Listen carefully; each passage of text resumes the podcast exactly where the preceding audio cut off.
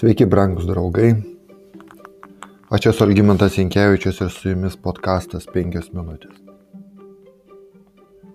Išimo knygoje skaitome. Aronas tarė jiems, nuimkite aukso auskarus, kuriuos nešioja įkabintus jausis jūsų žmonų sūnus bei dukterys ir atneškite juos man. Visi žmonės nusėmė aukso auskarus, kabojusius ausyse ir atnešė juos Aronui. Jis paėmęs iš jų rankų auksą, jį išlydė ir išskobė veršį. Kol Mozė buvo kalnė ir gavo Dievo įstatymą, žmonės kreipėsi į Aroną. Šiminė buvo pavargusi laukti, kol sugrįž Mozė.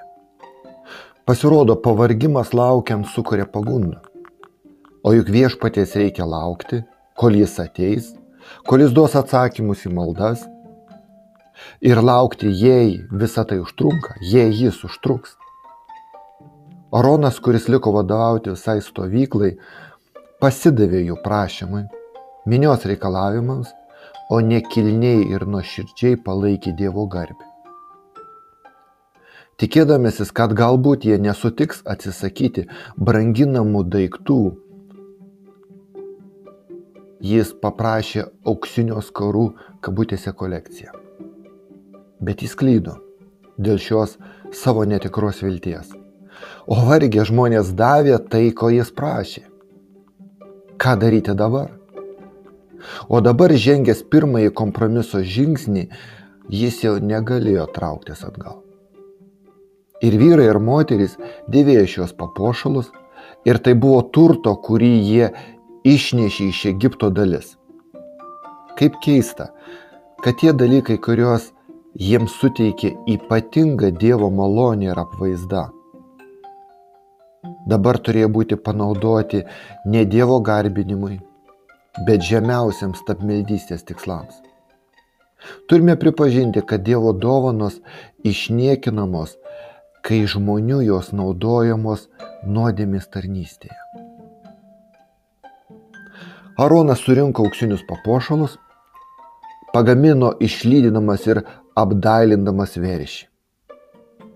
Tada tautos vadai pareiškė, Izraeli, štai tavo Dievas, kuris išvedė tave iš Egipto žemės. Kai Aronas pamatė, kad jo išskoptas veršio atvaizdas patinka žmonėms, jis pastatė altorių prieš stabą ir tarė, rytoj bus viešpatė šventė Kita diena žmonės pakilo anksti, aukojo deginamasias atnašas, atnašavo bendravimo aukas, sėdosi valgyti ir gerti, o po to kėlėsi užauti. Žmonės gėrė ir vaišinosi, pasidavė linksmybėms ir šokiams, kurie baigėsi gėdingomis orgijomis, žyminčiomis pagonių dievų garbinimu. O tik keliomis dienomis anksčiau šioje vietoje jie girdėjo viešpaties Dievo balsą kalbėjusi jiems iš ugnies. Nedaryk savo atvaizdo. Ir jie patys, žmonės patys, iškilmingai sudarė sandorą su Dievu, sakydami, kad padarys viską, kas nuo jų priklauso. Viską, ką Dievas jiems buvo sakęs ir jie bus paklusnus.